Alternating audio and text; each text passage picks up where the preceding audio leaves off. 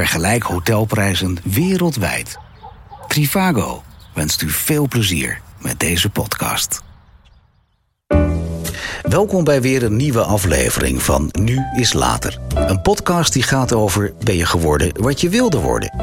En hoe en waarom ben je uitgekomen waar je nu bent? En misschien zelfs waar wil je naartoe? Mijn naam is Victor Chevoyer en je luistert naar Praatkast.nl. Vandaag hebben we te gast Jan van Veen. Hij begon zijn radiocarrière in 1964 bij Radio Veronica. Met het voorlezen van liefdesgedichten ontstond het fenomeen Candlelight. Na Veronica Radio Noordzee was Jan van Veens stem veelvuldig te horen bij de AVRO. Candlelight groeide uit tot een fenomeen. Wekelijks zaten en zitten er trouwe luisteraars gekluisterd aan de radio. Want zeg je Candlelight, dan zeg je Jan van Veen. Na een lange periode bij de AVRO, waar hij onder meer ook hoofdamusement televisie is geweest, maakte Jan in 1991 weer een overstap naar Sky Radio, waar hij tot 2003 actief is geweest.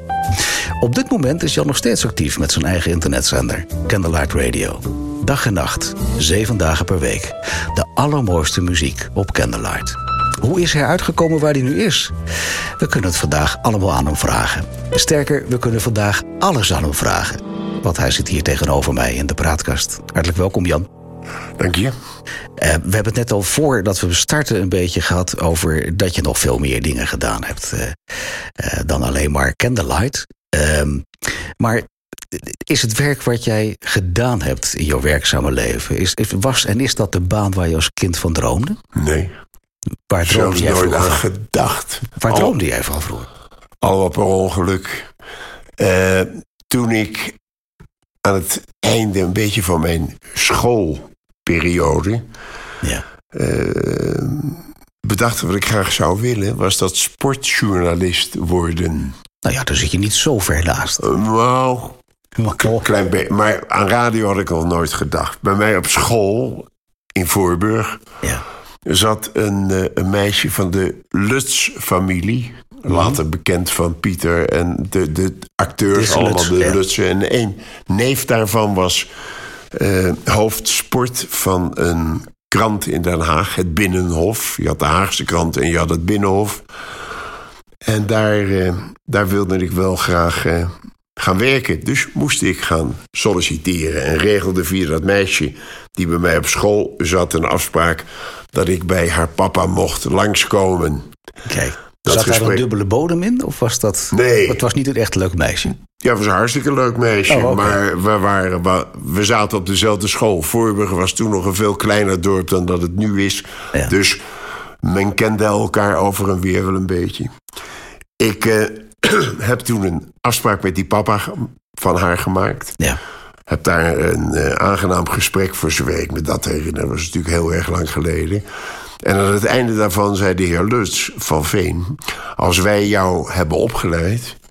met eh, om te beginnen een brandje in de binnenstad... en een klein fietsongeluk en dat soort eh, reportageverhaaltjes te maken... en je bent een beetje eh, volwaardig journalist geworden... dan moet jij militaire dienst. Ja. En dan moeten wij maar afwachten of jij na die militaire dienst, want die dienstplicht was er nog, of je dan überhaupt nog bij ons terug wilt komen. Dus weet je wat je moet doen? Ga nou eerst maar in dienst en dan kom je terug. Al terugwandelend in Den Haag van Ja. de Prinsengracht, waar eh, het Binnenhof gevestigd was, ben ik gelopen langs het ministerie van Defensie een uur na het gesprek met de heer Lutz op het Blijenburg, dat herinner ik me nog wel. En heb aan de receptionist in de hal gevraagd of er ook een mogelijkheid bestond om vervroegd in militaire dienst te gaan. Maar ik denk, hoe eerder dat ik er Des te eerder ben je er weer vanaf. ben ik eraf en kan Ja. ik terug naar het Binnenhof. En dat kon. Ik kreeg een formulier, moest ik invullen, heb ik gedaan. En ik zou be- bericht krijgen wanneer. In, in no time, een paar maanden, kreeg ik een, eh, een schrijven dat ik eh, opgeroepen werd mij te melden op 3 april 1963 Ja. in de Koning Willem III-kazerne in Amersfoort. Want ik werd ingedeeld bij de huzaren van Boereel. Wat is dat dan?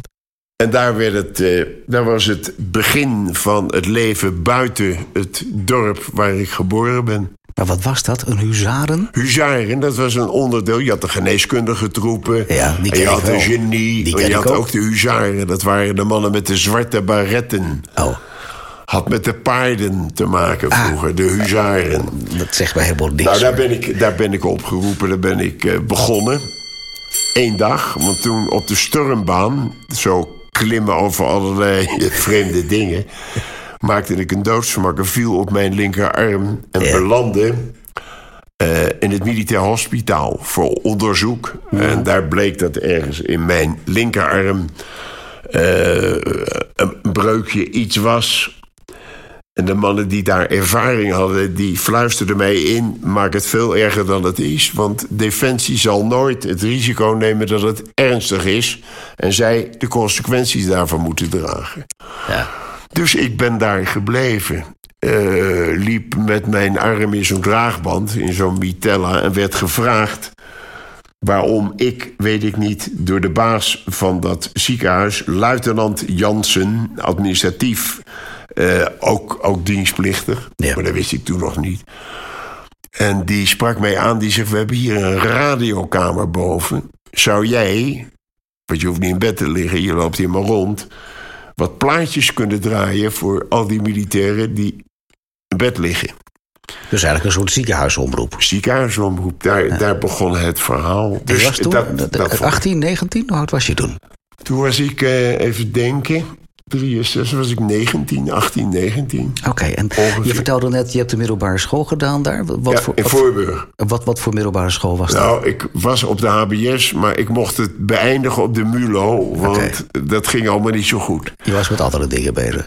Eh, ja. Ja. Ja. Ja, ja, ja, Oké, maar toen wilde je sportjournalist worden, vertel je. En, en eh, toen zat je eenmaal in het leger. En na dat ongeluk mocht je eigenlijk ehm, de ziekenhuisomroep daar regelen. Nou, mij werd gevraagd om voor... De, heel heersend als ziekte was toen de ziekte van Pfeiffer. Ja. In militaire dienst. Ja. En daar barstten het zalen vol. En die jongens die lagen daar de hele dag. Ja. Er was nog distributieradio met zo'n draaiknop. En dan Oh, kon je naar ja. Hilversum en dan kon je... Nou, dat soort. Had je een soort voorprogrammering in zitten waar je dan eh, ergens uitkwam. En daar zat ook die ziekenhuisomroep op. Enfin, dat, dat vond ik natuurlijk een geweldige gebeurtenis. Ik had helemaal niets met muziek. Ik had ook geen pick-up en ik had nog nooit een plaatje gekocht... maar ik ging plaatjes draaien in dat ziekenhuis. En dat vond ik leuk. Die luitenant vond dat ook aardig... en die bleek wel een beetje eh, van de technische kant. Die vond Mhm. dat dat uitgebreid moest worden. Ja. En van de baas van het ziekenhuis werd hij mijn hulpje. Dus dat was aangenaam geregeld.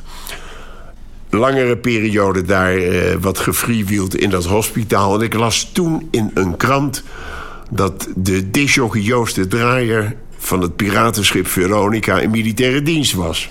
Kijk. Ik denk, daar moeten we contact mee hebben... want die ga ik als gast uitnodigen. Ja. In de beginperiode hadden we wat eh, verzoeken gedaan om een mengpaneeltje te krijgen, om een extra pick-up, om een microfoon, dat soort zaken. Dus het begon een klein beetje wat te worden.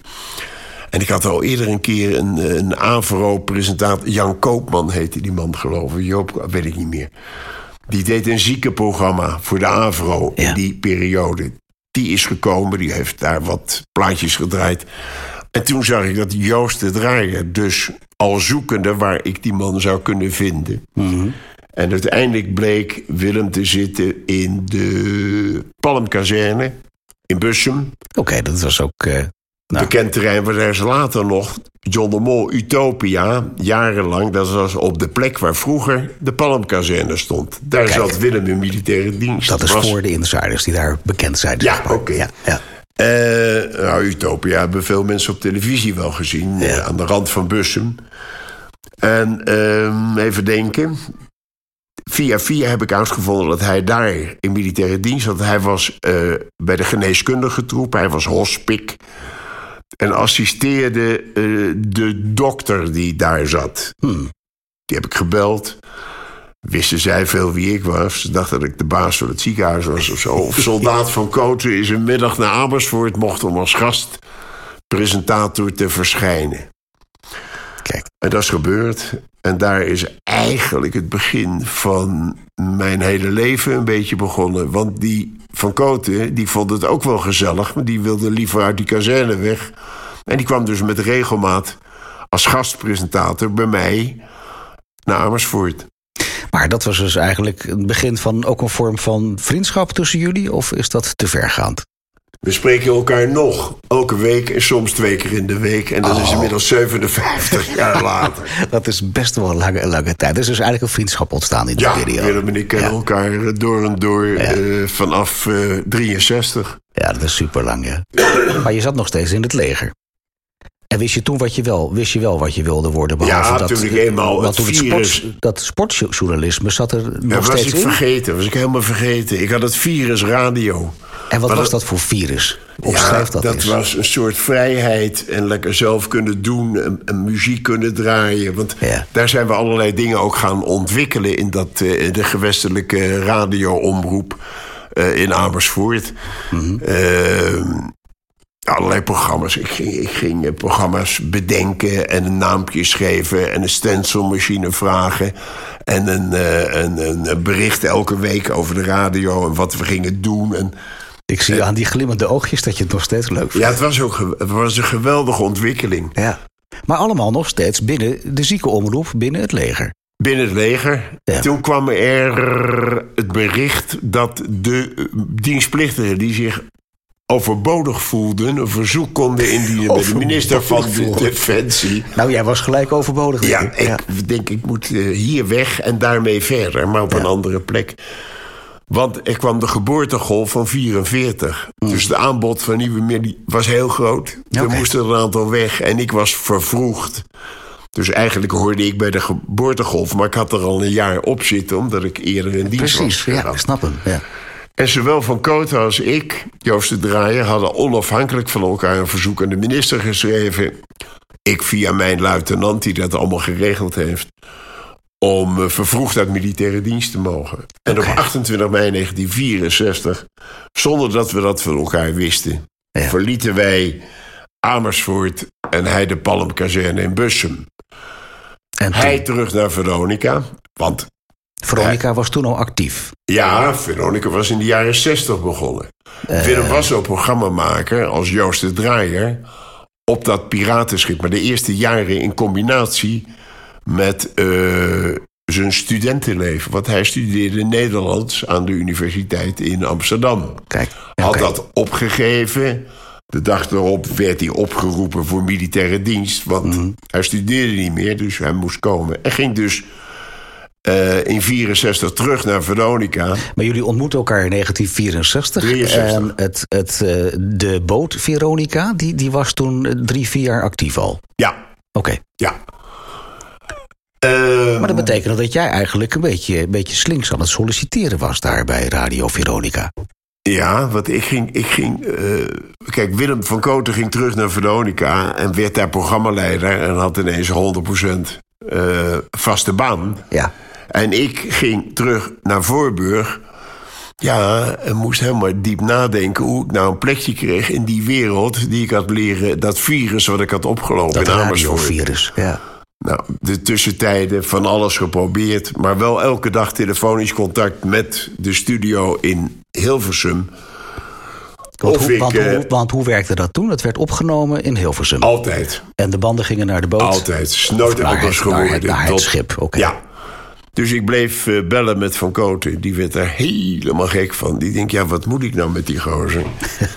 Tot er, eh, en dat was weer mijn geluk... Tineke de Nooi, die deed koffietijd... Ja.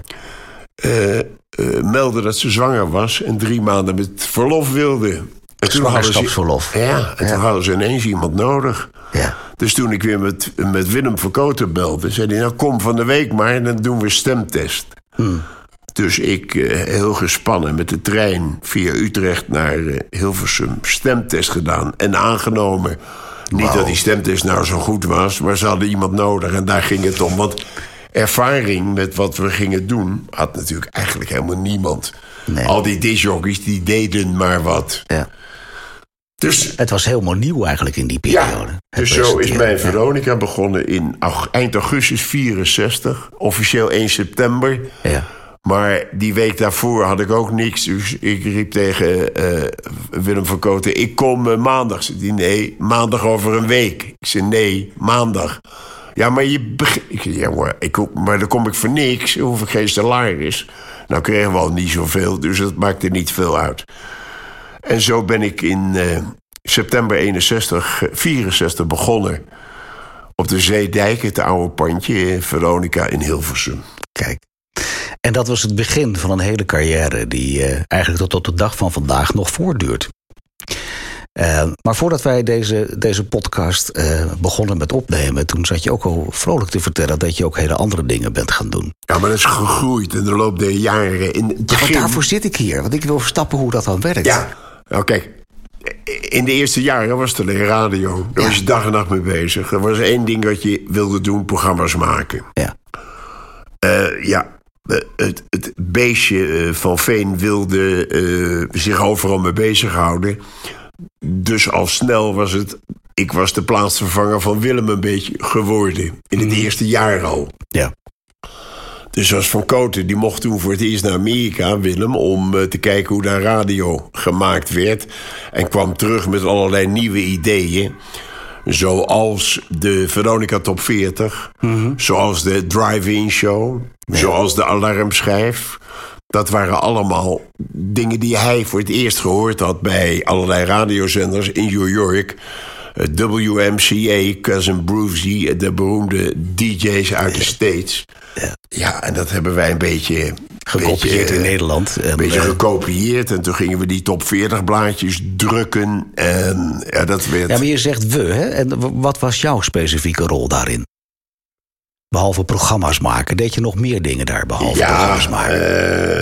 Stencils met drukken. elkaar vergaderen, de muziek bepalen, de nieuwe programma's bedenken. Het, het, het, het totaal wat met het programma maken te maken had. Maar dan zeg je eigenlijk dat je echt in die kern Maar wij zat. waren ook een. Het was ook een we. Een win, dat was niet alleen Willem Verkoten en ik, maar dat was ook Tineke de Nooy. En dat was in het begin Harme Sieze, later eh, nieuwslezer. Ja. Die bij ons de ochtendprogramma deed. Later Eddie Becker, Giel Montagne, Gerard de Vries. Beroemd van het spel kaarten. Ja. Een hele prachtige aparte plaat. Eh, wie vergeet ik? Tom Collins later nog. Eh, nou, een beetje die, die... Dat was familie. Als een van de familieleden van een collega jarig was... gingen we met z'n allen op visite. Het was echt een soort ja, cowboy-achtige Ja. eh, padvinderij Ja. eh, gevoel, krijg ik Ja, erbij. het was uitvinden wat, wat niemand wist... eh, hoe dat vak in elkaar zat. Dat hebben we step by step ontdekt. Er kwam maar wat ander- gaf die binding dan? Was dat ook dat het een beetje semi-illegaal was? Omdat je eigenlijk op een boot moest gaan zitten om het Nou, toch in op, Nederland die boot hebben, op die boot hebben we nooit gezeten. Hè? Nee, dat snap nieuwslezer. ik. Maar wel dat dat allemaal eigenlijk semi-illegaal was. Want dat was al die tijd politiek ja, gezien wij waren gewoon legaal. Voor ons gevoel waren wij legaal. Dat illegaal. Dus dat speelde was- geen rol? Nee, niet echt. Dat was alleen het spannende dat die tenderboot... die de, de opnamebanden eh, twee keer per week naar het schip brachten... die, eh, ja, die moest 3,5 mijl de kust uit... om Ja. buiten de territoriale wateren... want ja. anders mochten we niet uitzenden. Precies, dan was het niet meer legaal. Nee. Maar wat was dan dat, dat, dat saamhorigheidsgevoel wat dat dan gaf in die Ja, die vechten met z'n allen voor hetzelfde. Eh, toen kwam Radio Hilversum 3 werd opgericht. Daar moesten we tegen concurreren. Als tegenhanger, want dat was Als eigenlijk is, is, is ooit ontworpen om jullie tegen te houden. ja, Ja. ja. ja. het was natuurlijk een heel apart vak. Ja, een vak wat niemand had. Ja, Dus het was gewoon leuk. Dat was het, eh, het uitdagende in het verhaal. Je bent erbij gebleven bij Veronica tot aan het einde aan toe? Aan het... Nee, ik heb een, eh, een, aanvaring, een aanvaring met eh, de collega's gehad in het jaar 1970. Toen was Willem inmiddels vertrokken. Ja. Ik was zijn opvolger op verzoek van diezelfde collega's. Ik heb hier ergens nog wel een brief recent gevonden... Ja. waarin ik werd aangesteld officieel als programmaleider Veronica... als opvolger van Joost de Draaier van Willem Verkoten. ja. Wij hadden democratisch een wekelijkse vergadering over het kiezen van de alarmschijf.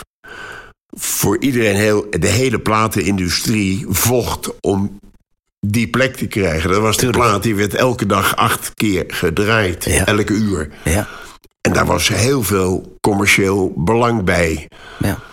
Dus op een gegeven ogenblik, in begin januari, nee, eind januari denk ik, 1970, hadden we ook weer zo'n vergadering. Maandagavond met z'n allen rond de tafel. En toen bleek dat de stemmen gelijk, waren met tienen en het werd 5-5. En vijf stemmen waren voor een Engelse eh herrieplaat. Simon Stokes en de Nighthawks. Je weet het nog, hè? Ja, dat weet ik nog wel. Ja. En de andere was eh, Fat Jack van The Hearts of Soul. Ja. Drie Nederlandse meisjes. Een liedje van George Kooijmans van The Golden Earring. 5-5, Voodoo Woman. Dat was dat nummer van Simon Stokes. Of The Hearts of Soul.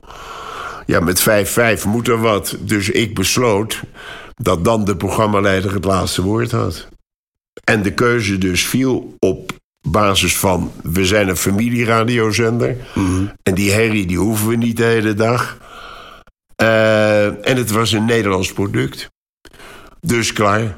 Dat was hem. Dat was de En keuze. dat werd niet geaccepteerd. Het was dictatoriaal bewind van mij. Dat kon niet. Er moest overgestemd worden. En toen, achteraf, is mij gebleken dat er gesjoemeld werd. Het was eigenlijk een beetje een koep die gepleegd werd. Er waren andere krachten op de Ja, achtergrond werd het aanwezig. ineens 8-2. Hmm.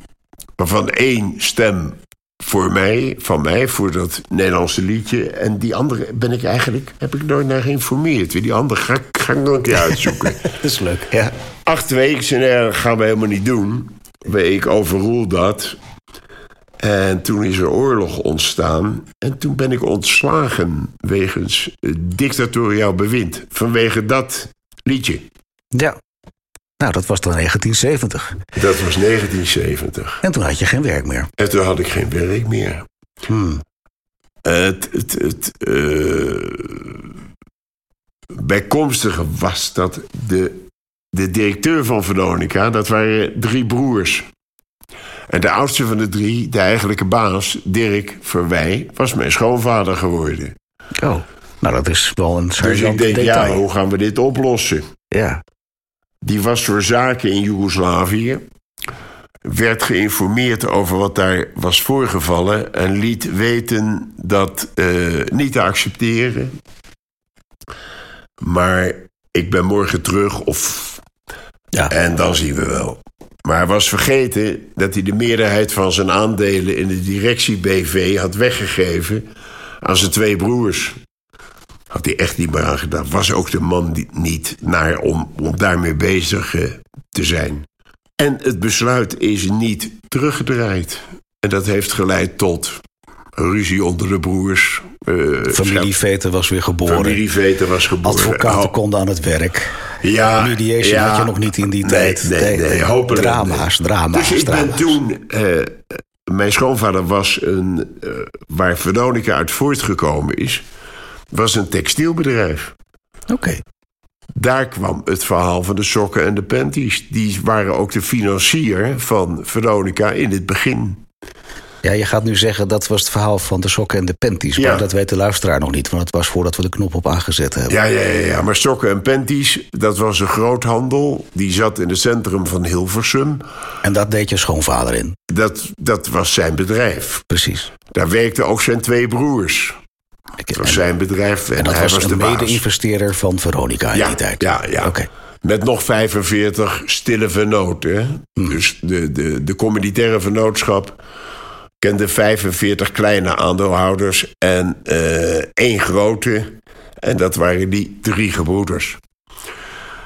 Dus toen ben ik met mijn eh, schoonvader toen meegelopen in die handel. En dat was niet alleen Nederland, maar ook veel internationale handel. Maar vond je dat leuk? Want dat is natuurlijk iets heel Ja, anders dan dat je radioprogramma spannend. gaat doen. ik ja, ik vond het ook wel leuk. Maar ik vond het ook heel spannend. Het was een uitdaging. Het was nieuw. Ik ging mee.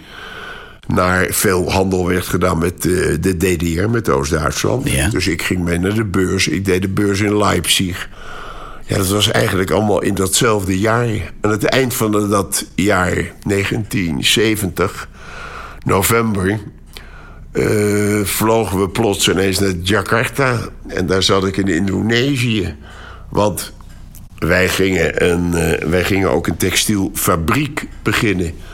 Ja, ik kan me voorstellen, dat, dat moet eigenlijk veel gedetailleerder opgebouwd ja, dat, worden. Maar dan zijn dat we hoeft over, even niet. Dat zijn we van de week nog ik, bezig. ik zit wel even te zoeken naar, naar de Jan van Veen van de sokken en de panties. Wat was het? Ja, toen even wel. Ja, sokken alleen, en ja. de panties. Maar dat, wat voor... Wat voor, ja, wat Handel. voor Nee, nog, ik zit er even te denken vanuit menselijk oogpunt. Wat, wat had jij dan dat jij dat kon? Wat, de, de- sprak je veel talen? Had je handelsgeest? Had je eh, gevoel voor kwaliteit? Ik verzin hem nu even, maar wat, Ja, ja, maar wat had Jan van Veen nu? Ja, ik denk handel. Dat hij dat eh, kon. Met handel bezig zijn. eh, eh, Dat is wel iets wat Jan van Veen toont. Dat je echt handel hebt. Dat je echt. ja, Je bent een echte handelaar. Ja, ja, eigenlijk wel, ja. Ja, Ja. ja. Ja. Ja, ik handel nog wel. Ik ben nog wel. Ik vond het altijd wel aardig dat je bijvoorbeeld in Italië, dus iets waar we nog wel op komen, altijd eh, de vraagprijs kon onderbieden. Dat je kon Ja. handelen over. En dat, ja, dat heb ik altijd wel gedaan. ja. Maar Dus- dat zit ook gewoon echt in je. Dat is ook iets wat je met plezier doet. Ja, zeker weten, ja. Ja. En dan maakt het jou niet uit of het, of het sokken, lampenkappen, eh, auto's. Nee, eigenlijk eh, niet. Wat dan ook is. Nee, eigenlijk niet. Nee. Nou, dan ben je een echte handelaar dus. Ja. Ja. ja, nee, klopt. Ja. Dat, dat zit er wel een beetje in, ja. Maar goed, daarna was jouw carrière op de radio eigenlijk over. Maar ik Ja, zit dat- hier dat toch tegenover een icoon. Dus er is toch wat gebeurd vanaf ja, dat waren het 1970. begin van de jaren 70. Ja. Ik, ik ging met mijn toenmalige schoonvader mee in 1970. En dat was Oost-Duitsland en dat was Bulgarije en dat was Italië en dat was Jakarta en dat was Hongkong en dat was Penang en dat was Osaka en dat was Tokio en dat was Korea en ga maar door. Nou, dan heb je bij de hele wereld over geweest. Nee, Ik ben met hem ook de hele wereld, in korte tijd de hele wereld. dan heb je jouw schoonvader heel veel te danken eigenlijk. Dat hij eh, tuurlijk. door die periode En gegaan heeft. gelukkig heel veel van hem geleerd. Want al die uren in die vliegtuigen... en dat was nog niet even snel zoals nu... want ik herinner mij dat wij de eerste keer naar Jakarta vlogen... Ja. eh, deden we daar 22 uur over. Kijk, dat waren nog eens vluchten. Dat waren nog eens vluchten met tussenlandingen in Beirut en Karachi en Bangkok... om te tanken onder andere, want anders haalde je dat niet. Ja. Dus ja, de hele wereld over. Alaska geweest, eh, sokken gekocht en handel gedaan in Zuid-Korea. Ja, wel wat meegemaakt, ja. Had je iets met sokken? Ja, ik droeg een paar sokken. Ja, dat was alles, hè? Voor Ja, de rest niet. voor het was niks. echt alleen maar dat, handel. Dat leerde je wel. Ja. Ik bedoel, ik leerde wel wat voor kwaliteiten waren... en wat voor kwa- kwaliteit katoen... en wat voor eh, afwerking... eh, waarom de een wat meer kostte dan een ander. Ehm, maar je vertelt dat je in al die landen geweest bent. Ben je ook goed in talen? Was ik niet.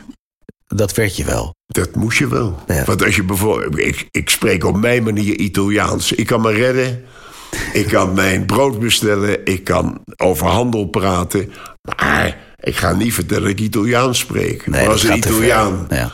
Mij op welke wijze aanspreekt, dan kan ik hem antwoord geven. Dus je moet op een gegeven moment wel. Maar de- die, die Italianen in Noord-Italië, die spreken maar één taal: Italiaans. En het meeste spreken nog het dialect van de provincie waar ze vandaan komen. ja. Waardoor je dus helemaal niks meer verstaat van Nee, wat ze want er zijn er Nee. dorpen die met elkaar niet eens kunnen praten. Ja. Waar op een hele korte afstand het, di- het dialect zo verschillend is van dat andere dorp. Ja. Ongelooflijk. Ja. Ehm, maar dat betekende dat je daar ook eigenlijk op de Bonnefoy heen ging. Want je had geen internet in die tijd. Dus ik, ik kan me ook voorstellen dat je daar dan één contactpersoon had waarmee je zaken ging doen. Nee, je had een agent. Wij hadden een agent, Gianfranco Zucchi, die ik af en toe nog spreek. Dan heb je het nu over Italië, niet over al die andere Nee, landen. nu heb ik het over Italië. Ja. En die begeleidde mij, die reed mij ook. Maar ook in de tijd van mijn van schoonvader tevoren al. had je wel contact. Dat je wel een beetje wist waarvoor je daarheen ging. Ja, je moest handel kopen. Maar Ja, ik had vertegenwoordigers. We moesten, Ja. Ik deed rackjobbing in duizend winkels in Nederland. En die moesten voorzien worden van producten. Oké. Dus eh, Maar daar verdiende je goed mee in die periode. daar, dat was een moeilijk vak om er wat aan te verdienen. Want je had veel kosten. Je had een behoorlijke omzet. Maar, je- de, Maar de de- marges waren eigenlijk laag. ja, eh, het is, ik ben blij dat ik dat vak niet meer heb. Nee. Want dat is niet meer te maken. Nee. Daar, daar, ik, zie, eh, ik kan het niet nalaten als ik op de markt loop of in een winkel ben. Om als daar van die bundels sokken of even te kijken wat het is. Ja. En dan zie ik dat ze in een bundeltje voor 2,99 euro verkocht worden. Dan denk je, nou kan ik Dan moet ik al snel uitrekenen dat ik daar de BTW even uit moet halen. En dat het daarvoor garen gesponnen moet worden. Een ververij het een kleur moet geven. Een machine het moet breien. Ja. Nou, dan gaan we door. Dan moet ik nog doen. met een vrachtwagen van Noord-Italië naar Nederland komen. Mhm.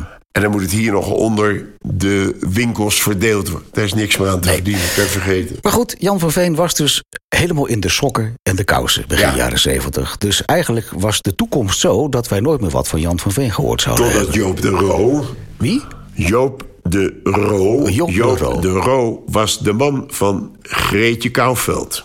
Ja. Joop was verantwoordelijk voor de AVRO lichte muziek. Mhm. Met aan het hoofd van die AVRO in die jaren Siebe van der Zee en Ger Luchtenburg. Joop de Roo belde Willem van Koten en mij. Willem was ook met andere dingen bezig. En vroeg of we beiden geïnteresseerd waren om weer radio te gaan maken voor de AVRO. Want er, er was een heel nieuw eh, Radio 3 ontstaan. Ja. Elke omroep had zijn eigen dag. Ja. Niet dwars door elkaar. Het werd de AVRO maandag. Horizontale programmering was toen niet uitgevonden. Nee. Nee. Dus of wij geïnteresseerd waren om de AVRO maandag te gaan doen. Waar onder andere Candlelight in het begin een belangrijk deel van uitmaakte. 29 december 1975 deden we de eerste uitzending Van Candlelight. Op de AVRO. Bij de AVRO. Op Hilversum 3. Op en de Willem deed Joost mag niet eten... in plaats van Joost mag het weten. Ja. Van 6 tot 7. Oké. Dat is bij hem altijd dat uur gebleven. En ik deed op een gegeven ogenblik in de jaren daarna... het tussen de middagprogramma. Lunchprogramma op de AVRO. Ik deed... Maar ik heb, deed je dat dan naast jouw functie nog? ja, die deed bij ik de ook nog textiel erbij. Oké, maar wat was dan voor jou het belangrijkste in die beginjaren? Ja, ik kon ze alle twee niet loslaten. Dus ik, ik schipperde daar maar een beetje tussendoor. Want in die tijd had ik ook nog een, een, een, eh, een café, een kroeg in Hilversum. En Heel druk mannetje dus. daar, moest, ja, daar was ik ook nog. Ja. En dan af en toe naar het buitenland voor inkoop. En dat, dat schipperde altijd wel zo dat het... Ja, was dat wel te combineren? Want je hebt nu ondertussen over, over drie het. functies. Ja, ja, ja. Ja, Achteraf denk ik, ik weet niet meer hoe dat gegaan is, maar het gebeurde Het allemaal. gebeurde zo. Ja. Maar dat was wel een periode waar je steeds meer, steeds meer naamsbekendheid kreeg. Zeker met het programma Candlelight. ja. Ehm, je deed je werk er nog gewoon naast. Ja. Ehm, en dan, dan op een gegeven moment, toen was het einde AVRO. Want hoe is dat tot een einde gekomen? Ehm, eh, eind jaren 80 kwam er bij de AVRO. Ik ben in die tussentijd ook nog een, een jaar, dat zeiden net bij je introductie, een jaar hoofdtelevisie amusement geweest Ja. bij de AVRO, 1977. Dat was er ook nog bij. En dat was, toen bestond er nog geen eh, onafhankelijke productiemaatschappij. John de Mol bestond niet. Niet? Nee. Eh, en wat er tegenwoordig allemaal aan. Kijk, maar er wordt niet één programma meer door de omroep zelf gemaakt. Nee.